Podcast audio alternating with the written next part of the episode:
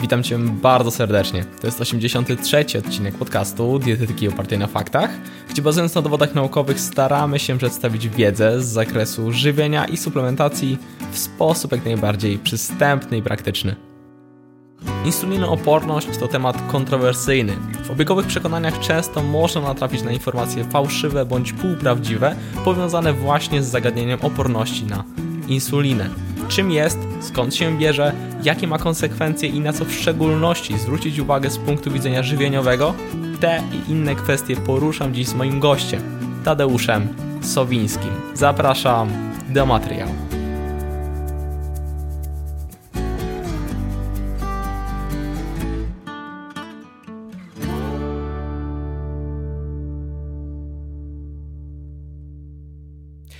Cześć, witaj Tadeusz. Witam Ciebie, Radku. Przedstaw się proszę słuchaczom. Nazywam się Tadeusz Sowiński i jestem dietetykiem już aktualnie z ponad 10-letnią praktyką. Mhm. E, temat, jaki chciałbym dzisiaj z Tobą poruszyć, to zagadnienie insulinooporności, oporności na insulinę i temat od wielu lat budzi spore kontrowersje na różnych płaszczyznach. E, temat żywienia również poruszymy, natomiast chciałbym zacząć od swego rodzaju wstępu i zadam pytanie, czym właściwie jest insulinooporność, jak powinniśmy ją rozumieć? Jeżeli chodzi o to, czym jest i jak powinniśmy ją rozumieć, to niekoniecznie są to e, kwestie w 100% kompatybilne.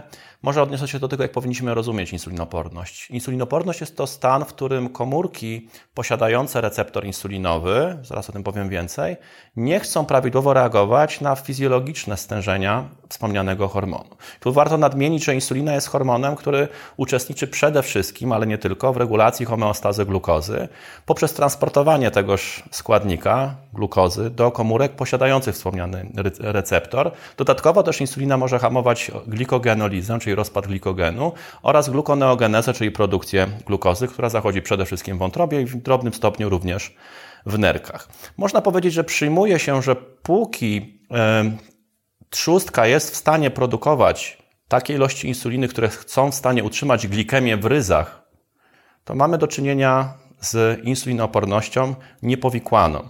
To znaczy, mm, w momencie, gdyby doszło do wzrostu stężenia glukozy na czczo, czy też po obciążeniu, to możemy mówić o stanie przedcukrzycowym, aż w pewnym momencie osiąga się pułapy charakterystyczne już dla cukrzycy typu drugiego. W każdym razie insulinoporność jest to stan, w którym komórki nie dosłyszą sygnałów nadawanych przez insulinę. Mhm. I tutaj też często wyróżnia się pewne formy e, różniące się między sobą w przypadku insulinooporności. Czy mógłbyś kilka słów na ten temat jeszcze? Jasne. Insulina, znaczy insulinoporność może być, mm, może mieć różne rozłożenie na poszczególne tkanki i narządy. Te kluczowe tkanki i narządy, które posiadają receptor insulinowy i które uczestniczą w homeostazie glukozy, to przede wszystkim tkanka mięśniowa, która jest w stanie buforować około 70-80% wzrostu e, poziomu e, glikemii po, występującego po posiłku. Tkanka tłuszczowa, która również e, jest bardzo, można powiedzieć, pełni ważną rolę w gospodarce energetycznej oraz wątroba. I Insulinoporność może być w różnym stopniu rozlana na poszczególne e, tkanki i narządy i tak oto może dotyczyć przede wszystkim wątroby, a w mniejszym stopniu tkanek obwodowych, a może być też bardziej zlokalizowana w obrębie tkanki tłuszczowej i lub tkanki mięśniowej i najczęściej wywodzi się ona z tkanki tłuszczowej. Ale to może lepiej omówić w momencie, kiedy byśmy poruszyli, bo tak się domyślam, że pewnie e, do tego będziemy zmierzać e, przyczyny insulinoporności. Natomiast jest też taki podział insulinoporności dotyczący, znaczy podział ze względu na to, w którym obszarze odniesieniu do receptora insulinowego ona występuje. Czyli może występować przed receptorem, za receptorem i w obrębie samego receptora. No i też nazwy, jak łatwo się domyśleć, są wysoce adekwatne i komunikatywne. Mamy insulinoporność przedreceptorową, która bardzo często ma, e, można powiedzieć, pochodzenie genetyczne. Jest to problem wrodzony, jest związany z tym, że klucz, czyli insulina, a nie zamek, czyli receptor, ten klucz jest uszkodzony, już jest fabrycznie uszkodzony. I w tym momencie taka insulinoporność manifestuje się na wczesnych etapach ontogenezy, no i wymaga podawania insuliny z zewnątrz. Ale insulinoporność przedreceptorowa może być też związana z podwyższonym poziomem kortyzolu. Najczęściej w przypadku stosowania glikokortykoidów no, dochodzi do insulinoporności postreceptorowej, chociaż ma ona również, e, przepraszam, przedreceptorowej, chociaż ma ona również postreceptorowy charakter. Kolejną formą insulinoporności jest insulinoporność receptorowa, gdzie mamy w zasadzie wadliwy receptor. I tutaj chciałbym się odnieść do takiego ciekawego uwarunkowania fizjologicznego. Internalizacji receptora insulinowego, czyli chowania się go do wnętrza komórki pod wpływem zwyżki stężenia insuliny. Taki proces istnieje i to fakt, natomiast na podstawie istnienia takiego procesu sformułowano swego czasu w obiegu, a nie w źródłach fachowych, koncepcję, że kluczowym czynnikiem żywieniowym doprowadzającym do insulinoporności są węglowodany, czy też generalnie produkty insulinogenne, bo rośnie poziom insuliny, no i dochodzi do insulinoporności receptorowej, do schowania się tegoż receptora.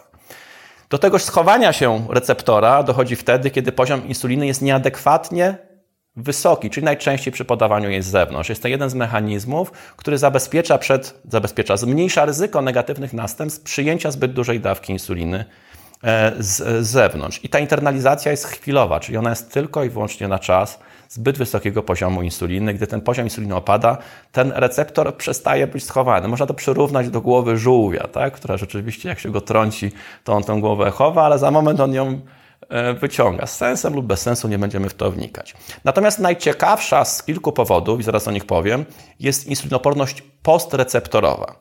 W tej sytuacji mamy do czynienia z e, takimi uwarunkowaniami, że klucz jest prawidłowy i zamek też jest prawidłowy, więc teoretycznie drzwi powinny się otwierać, ale się nie otwierają, bo ktoś je zastawił od środka. E, insulinoporność postreceptorowa jest to stan, w którym dochodzi do zaburzenia przesyłania sygnałów wnętrzu komórki, sygnałów inicjowanych właśnie przez insulinę, rozpoczynających się od fosforylacji receptora insulinowego. Trzeba zaznaczyć chociażby, że, że wewnątrzkomórkowo przesyłany jest e, sygnał od receptora insulinowego do transportera glukozy. W związku z tym może dochodzić w przypadku insulinoporności postreceptorowej do sytuacji, że pomimo wzrostu stężenia insuliny i pomimo tego, że insulina ma prawidłową budowę, więc prawidłowo powinno działać, receptor się nie chowa ani nie jest uszkodzony przez jakieś niezidentyfikowane czynniki, nie dochodzi do prawidłowej e, reakcji w postaci absorpcji glukozy przez daną komórkę.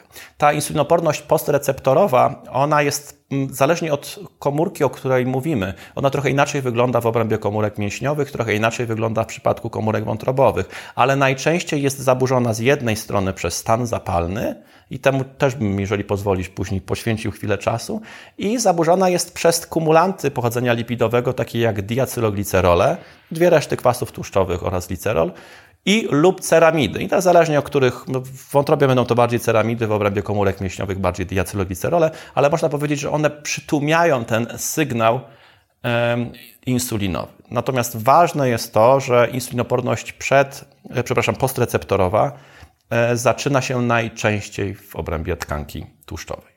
Mhm. Jeżeli już zahaczyłeś o ten temat e, przyczyn, może ten temat jeszcze pociągnę. Jakie są przyczyny insulinooporności? Kluczową przyczyną insulinoporności jest, tak to się ładnie czasami w obiegu nazywa, przeładowanie energetyczne komórek, które można pociągnąć pod jakby obszar nadwyżki energetycznej, chociaż nie jest to takie do końca zero-jedynkowe, co też postaram się pokrótce rozwinąć, i stan zapalny, który najczęściej jest wtórnym skutkiem przeładowania energetycznego. I są trzy takie kluczowe mechanizmy pozwalające wytłumaczyć i zrozumieć, jak powstaje ta insulinoporność. Ja może opiszę ten, który wydaje mi się najprostszy do opisania u Azjatów nie będzie to na przykład mechanizm dominujący, ale pod naszą szerokością geograficzną może mieć on naprawdę istotne znaczenie, ale nie wyczerpuje tutaj znamion etiologii, pełnej etiologii czy patogenezy insulinoporności. Otóż w momencie, kiedy dochodzi do mm, wzrostu dostępności substratów energetycznych, znaczy mamy za dużo kalorii w naszej diecie, to oczywiste jest to, że organizm stara się to w jakiś sposób rozdysponować po rezerwach, po magazynach, którymi dysponuje. No i oczywiście mamy glikogen mięśniowy, wątrobowy, mamy nawet mm, obszar w obrębie komórek mięśniowych, gdzie możemy magazynować nadmiar lipidów, ale to nie ulega wątpliwości, że tkanką, która zawsze chętnie wyciąga swoje tłuste łapki po każdą dostarczoną kilokalorię, zwłaszcza gdy pozostałe rezerwuary są pełne, jest tkanka tłuszczowa. No i jeżeli ta tkanka tłuszczowa się powiększa ze względu na napływ substratów energetycznych, jeżeli dochodzi do nasilenia lipogenezy, czyli powstają triglicerydy w obrębie tej tkanki tłuszczowej, to wzrost objętości komórek doprowadza do ucisku na naczynia krwionośne, które doprowadzają krew, a więc również i tlen. I pojawia się problem zwany hipoksją, czyli niedotlenieniem. Komórki naszego ciała nie mogą sobie pozwolić na to, żeby być niedotlenione i są pewne jakby obszary, pewne układy, które sprawdzają, czy nic takiego przypadkiem złego się nie dzieje. Jest to układ immunologiczny. W momencie, kiedy dochodzi do hipoksji, powiększające się komórki tłuszczowe uciskają na naczynia krwionośne, znaczy inaczej, kiedy komórki tłuszczowe uciskają na naczynia krwionośne, dochodzi do hipoksji i to automatycznie uruchamia telefon alarmowy, czynnik hemotaktyczny dla monocytów, czyli MCP1 i to w zasadzie doprowadza, wzywa komórki układu immunologicznego zwane monocytami, które dalej mogą różnicować się na makrofagi, które naciekają adipocyty, czyli komórki tłuszczowe i starają się wywrzeć pewnego rodzaju presję. Ich zadaniem w tym momencie, ja to trochę fabularyzuję i upraszczam, tak idealnie do końca tak nie wygląda, ale wydaje mi się, że oddaje istotę rzeczy. I w tym momencie pod wpływem presji immunologicznej wywieranej przez makrofagi, ta presja polega na produkcji cytokin, takich jak interleukina 1 beta, później interleukina e, szósta, to się stężenie zwiększa czynnik martwicy nowotworu, nomen omen. W każdym razie pod wpływem działania tych cytokin ma zostać osiągnięty jeden skutek. Komórki tłuszczowe mają się nie powiększać, żeby bardziej nie uciskać na e, strukturę naczyń krwionośnych. No, jak wiemy, jednym z kluczowych czynników lipogennych jest insulina. W związku z tym to jest bardzo logiczne, że w momencie wywieranej presji przez makrofagi na adipocyty dochodzi do zmniejszenia wrażliwości na lipogenny wpływ insuliny. I tu, jeżeli pozwolisz, bo dawno ci nie dałem dojść do słowa, warto wspomnieć o tym, że mogłoby się wydawać, patrząc na chłopski rozum, który naprawdę jest nas w stanie pociągnąć na manowce, że to super, jeżeli komórki tłuszczowe stają się mniej wrażliwe na insulinę, bo w gruncie rzeczy można jeść więcej i, i tej tkanki tłuszczowej nie przybywa. No i tutaj są dwa warianty, które należałoby roz, rozpatrzeć. Po pierwsze, Trzeba wspomnieć, że trzustka do pewnego momentu może produkować większe ilości insuliny, żeby przełamać ten opór. Jest to siłowanie się z układem immunologicznym i ze stanem zapalnym, który również może mieć charakter progresywny. Ale nie zawsze się to oczywiście trzustce udaje, żeby ten, te kumulanty, tę nadwyżkę energetyczną w adipocytach upchnąć i to, co tam się nie dostanie, no, nie zostanie spalone. Można powiedzieć dlaczego? No bo mamy nadwyżkę energetyczną. To wynika per se, bezpośrednio z tego jest nadwyżka, czyli to jest coś, co nie może zostać rozdysponowane i zużyte w bieżących potrzebach energetycznych. Gdyby mogło, to nie byłoby nadwyżki energetycznej. Z definicji to tautologicznie można tak to wytłumaczyć. W związku z tym coś się musi stać z tymi substratami energetycznymi, no i najczęściej wyłapywane są one przez długą, drugą linię buforującą, czyli wątrobę. Myślę, że każdy słyszał przynajmniej raz w życiu niealkoholowe stłuszczenie wątroby. Oczywiście może być wspierane alkoholem, jeżeli ktoś sobie życzy, ale, ale wystarczy nawet całkowita abstynencja, żeby doprowadzić do takiego stanu, przy oczywiście konsekwentnej nadwyżce energetycznej insulinoporności. Mogą być też kumulowane w mięśniach. Też można powiedzieć super, ale jeżeli nie ma deficytu czy też neutralnego bilansu, no to znowuż te kumulanty nie są spalane, nie są zużywane. No i powstają wspomniane przeze mnie ceramidy i diacyloglicerole i one postreceptorowo zaburzają szlak sygnałowy w obrębie wątroby i w obrębie mięśni. Dodatkowo słaba wrażliwość tkanki tłuszczowej na insulinę powoduje, że insulina w stężeniach fizjologicznych nie blokuje lipolizy. Znowuż mogłoby się wydawać, że to jest optymistyczne, bo lipoliza jest traktowana jako spalanie tłuszczu, a ona de facto nim nie jest. Beta-oksydacja to spalanie kwasów tłuszczowych i to jest proces o zupełnie innej genezie. Oczywiście lipoliza jest z beta-oksydacją powiązana, ale to nie są pojęcia tożsame. Jeżeli zatem insulina nie blokuje efektywnie lipolizy, to lipoliza może zachodzić również wtedy, kiedy nie ma deficytu energetycznego i kiedy nie ma potrzeby, żeby sięgać do rezerw. Więc dochodzi do wypływu kwasów tłuszczowych z tkanki tłuszczowej, no i z krwi robi się rosół i znowuż wątroba i mięśnie starają się to spuforować i znowuż stają się bardziej insulinooporne. Jeżeli one staną się bardziej insulinoporne, to w pewnym momencie może dojść do wzrostu stężenia glukozy na czczo. Tą glukozę, którą mamy na czczo, to nie jest pozostałość posiłku z kolacji, chyba że ktoś zjadł dwie pizze, cztery sery i dopił dwulitrową kolą, tylko jest to glukoza, która jest produkowana ze względu na niską wrażliwość insulinową wątroby. To znaczy insulina nie blokuje tej sekrecji e, uwalniania glukozy z, z glikogenu wątrobowego lub też z glukoneogenezy. Dodatkowo mamy też wtedy najczęściej podwyższony poziom glukagonu, który nomen omen bywa przedstawiany jako taki cudowny hormon, a insulina jako zła, a żaden z tych hormonów nie jest lepszy ani gorszy. Wydaje mi się, że to był długi wywód, nie wiem czy wystarczająco komunikatywny, ale chyba niczego z tego, co bym chciał powiedzieć, nie pominąłem.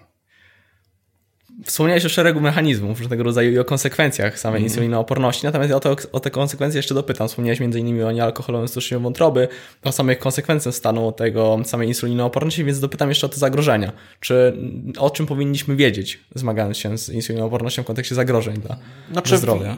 Ja bym powiedział jeszcze o takich zagrożeniach pośrednich może najpierw, które mają charakter miękki, nie ostry. Znaczy w przypadku insulinooporności może e, dochodzić do sytuacji, że obniża się wydolność fizyczna, zwiększa się uczucie zmęczenia. Jeżeli mamy mniejszą wydolność fizyczną, to nawet niewielka aktywność fizyczna może powodować uczucie zmęczenia. Jest to zmęczenie ośrodkowe, które doprowadza do zmniejszonej pobudliwości ruchowej. W związku z tym insulinoporność może sprzyjać temu, żebyśmy się mniej ruszali.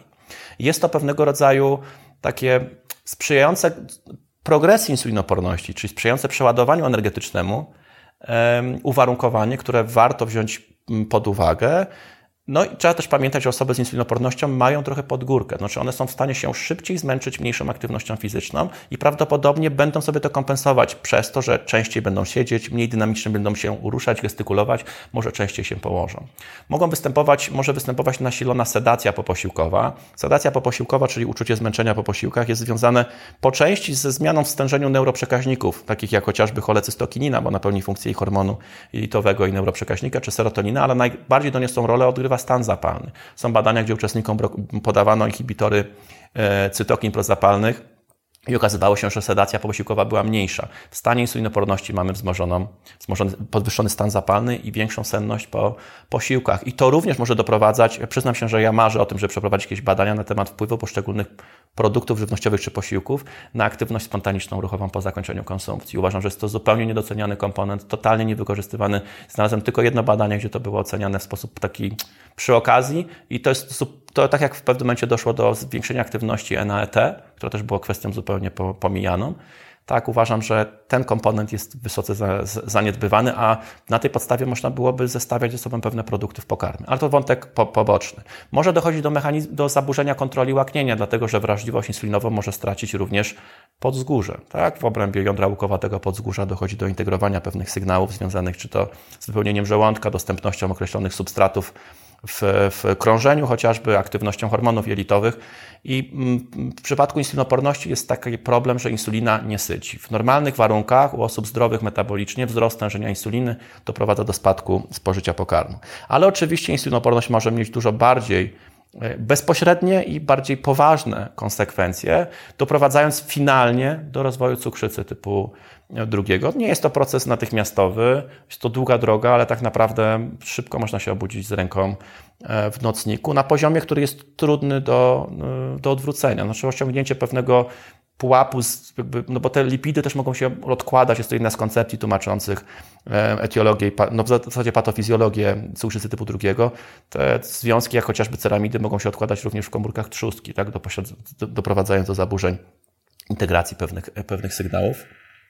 Więc w zasadzie cukrzyca typu drugiego może być jedną z najpoważniejszych konsekwencji e, insulinoporności, ale insulinoporność może też w pewnym stopniu predysponować, sprzyjać występowaniu e, problemów o trochę innej naturze, między innymi problemów onkologicznych, czyli zwiększa ryzyko chorób nowotworowych w sposób bardziej pośredni niż bezpośredni, ale ta zależność jest. W przypadku insulinoporności jest większe ryzyko zaburzeń takich dosyć mocnych gospodarki lipidowej i szybsza progresja zmian miażdżycowych, no co oczywiście także w długofalowym ujęciu może być, e, może mieć opłakane skutki i mm, w zasadzie niemożliwe do regresji. Tak? I kolejną kwestią jest również wzrost ryzyka występowania nadciśnienia, więc no, mówimy o chorobach cywilizacyjnych, chorobach przewlekłych, które stanowią duże obciążenie dla organizmu, które lubią iść ze sobą w parach czy też w większych grupach i które wymagają mm, odpowiedniego postępowania żywieniowego, e, no generalnie zachowawczego w postaci mm, zmian trybu życia, aktywności fizycznej, żywienia, ale bardzo często też e, farmakoterapii, która nie jest obojętna dla organizmu, niesie za sobą pewne ryzyko skutków ubocznych, działań niepożądanych i która przy okazji może utrudniać, no chociażby no mówimy tutaj o środkach, o niektórych środkach stosowanych w przebiegu insulinoporności czy powikłań, utrudniać prawidłowe żywienie, na przykład metformina może negatywnie wpływać na stan zdrowia jelit być źródłem, niekiedy miałem to w swojej pracy zawodowej, bardzo poważnych zaburzeń żołądkowo-jelitowych, wyjątkowo uciążliwych e, dla, nie, nie mówię, że to się dzieje często, ale dla, dla pacjentów. No i też może są leki, które mogą doprowadzić do zmniejszenia wydolności fizycznej dodatkowo, więc to są w zasadzie mechanizmy błędnego koła i warto lepiej zapobiegać niż leczyć. Wiem, że to jest taki oklepany, wyświechtany frazes, ale w przypadku insulinoporności ma to mm, szczególnie duże znaczenie. Mhm. Jeszcze pozwolę sobie zapytać, bo to też wydaje mi się dość kontrowersyjne z punktu widzenia e, tego, że insulinooporność w obiegu stała się coraz bardziej popularna w ostatnich latach. Mogę właściwie tak powiedzieć, często celebryci o tym wspominają, mm. podobnie jak w przypadku niedoczynności tarczy czy Hashimoto. Natomiast dlatego chciałbym zapytać o dwa słowa dotyczące diagnostyki. Na co zwrócić uwagę, żeby nie powiedzieć, że ja się czuję senny po posiłku, więc mam insulinooporność, tylko na co e, Twoim zdaniem warto w szczególności zwrócić uwagę no takim, można powiedzieć, standardem, który jest możliwy do zastosowania jest wskaźnik Homayer, tak, który można wyliczyć przy użyciu po prostu odpowiedniego kalkulatora, chyba że ktoś lubi się mierzyć z matematyką, to akurat nie, nie, nie wyszukano, bo jest jeszcze wskaźnik Quickie, gdzie się używa logarytmów, to już wymaga trochę większych umiejętności, ale też są kalkulatory. I na podstawie stężenia insuliny i glukozy na czczo można ocenić rzeczywiście, czy dotyczy mnie insulinoporność, czy nie.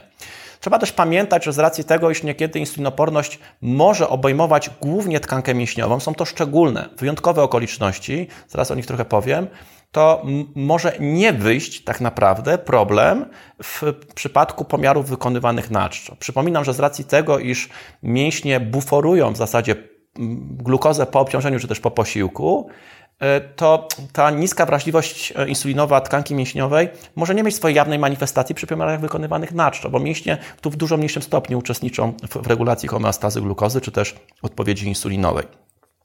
No i tu mamy pewnego rodzaju problem, bo trzeba z jednej strony wykonać trochę czasochłonne i nie zawsze dobrze tolerowane badanie, które polega na przyjmowaniu mm, glukozy z zewnątrz, czyli test obciążenia glukozą, które u niektórych osób doprowadza do hipoglikemii, która no nie jest jakby ani komfortowa, ani w 100% bezpieczna, po drugie, nie mamy jakby norm, które pozwalałyby ocenić, czy realnie występuje insulinoporność, czy nie. Zarówno wśród dietetyków, jak i lekarzy panuje pewna zgodność, że na przykład e, jeżeli poziom insuliny po mm, obciążeniu przekracza 50 mm, jednostek, no to w tym momencie możemy mówić o insulinoporności, ale twardych dowodów na to nie ma. Tak na dobrą sprawę temat jest słabo zbadany jakoś nikt nie śpieszy się ze sformułowaniem określonych wytycznych, bo przyjmuje się, że najczęściej ten problem manifestuje się na poziomie pomiaru wykonywanych na czczo, które są mniej na pstrym koniu jeżdżą, jeżeli chodzi o kwestie ewentualnych fluktuacji w, w, w, wynikach. Dodatkowym problemem jest to, że w obiegu jest dużo dezinformacji na temat e, testu obciążenia glukozą, jakoby to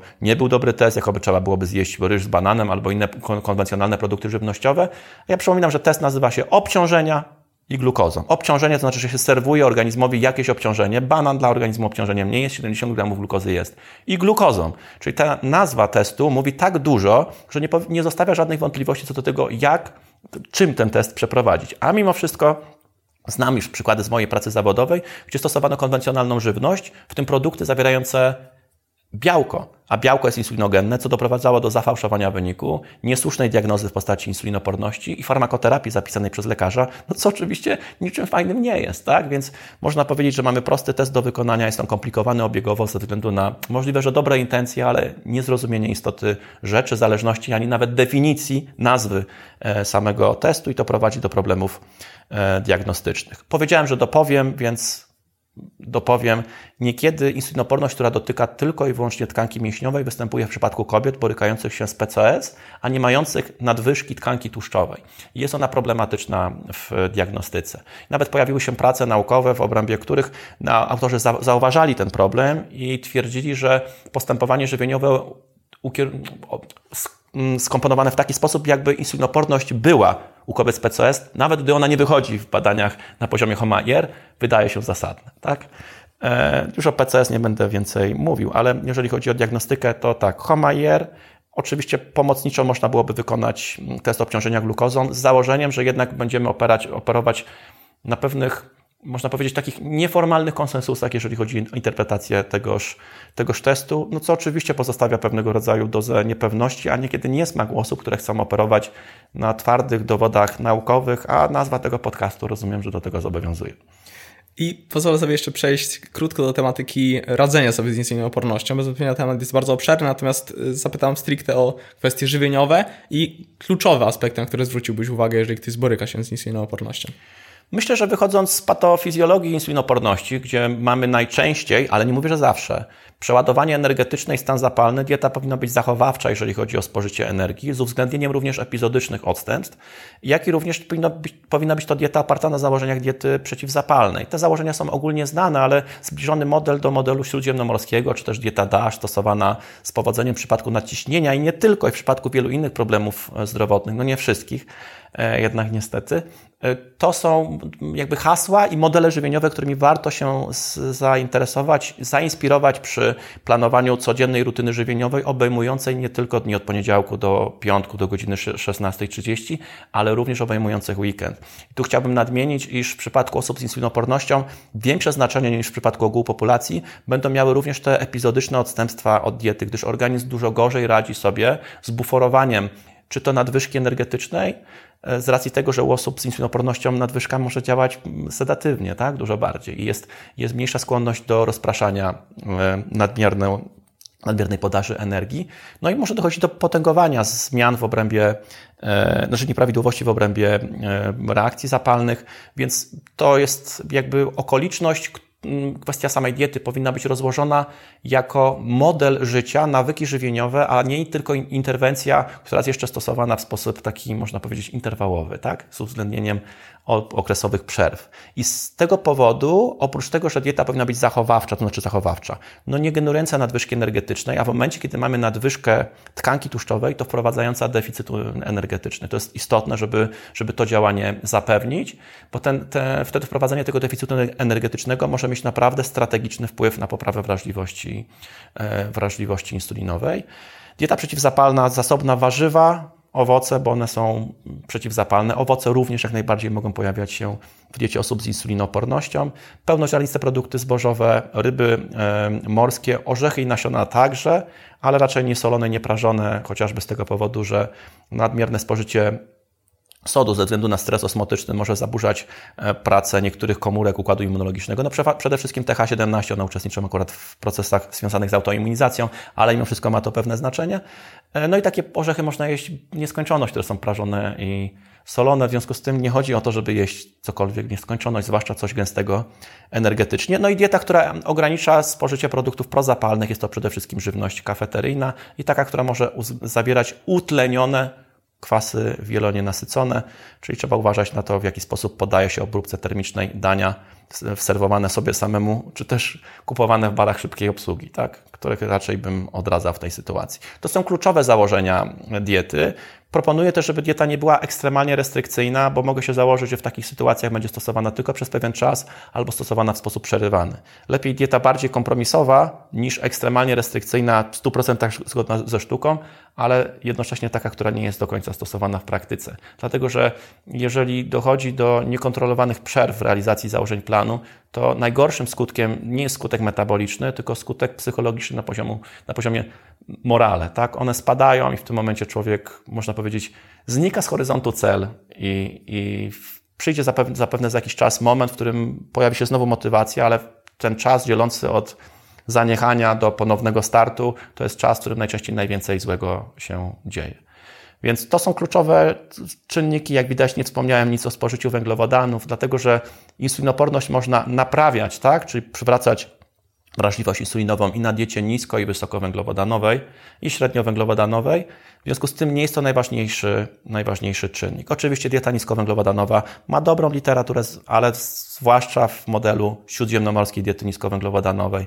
I tu jeszcze mogę dopowiedzieć, że ja co prawda rzadko kiedy układam low carb, ale zdarzało się, że na wyraźne życzenie pacjentów ułożyłem dietę niskowęglowodanową i mówiłem zarycznie, jak ona będzie wyglądać. Ale gdy się okazało, że nie ma tam boczku i karkówki, to rozpacz była straszna. Tak jakby celem było spożywanie określonych pokarmów. W takich sytuacjach oczywiście konieczna jest zmiana nastawienia do, do jedzenia, żeby model żywieniowy nie był pewnego rodzaju fortelem pozwalającym na to, żeby w oparciu o jakieś założenia, które można usankcjonować w sposób pozytywny, w oparciu nawet o literaturę naukową, żeby to nie, nie było wytłumaczenie do tego, żeby można było się, i to co powiem, jest, oddaję sobie tę rzecz, niezdrowo nie, nie odżywiać. Mnóstwo wiedzy. Bardzo Ci dziękuję. Dziękuję Na sam również. koniec powiedz jeszcze proszę, gdzie można Cię znaleźć. Nigdzie.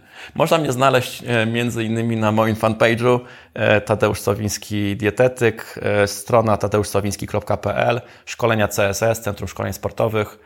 No, Zapraszam do śledzenia, odnajdywania, uczestniczenia w szkoleniach, czytania artykułów i słuchania podcastów. Dziękuję i do usłyszenia. Dziękuję, do Mam nadzieję w usłyszenia. przyszłości.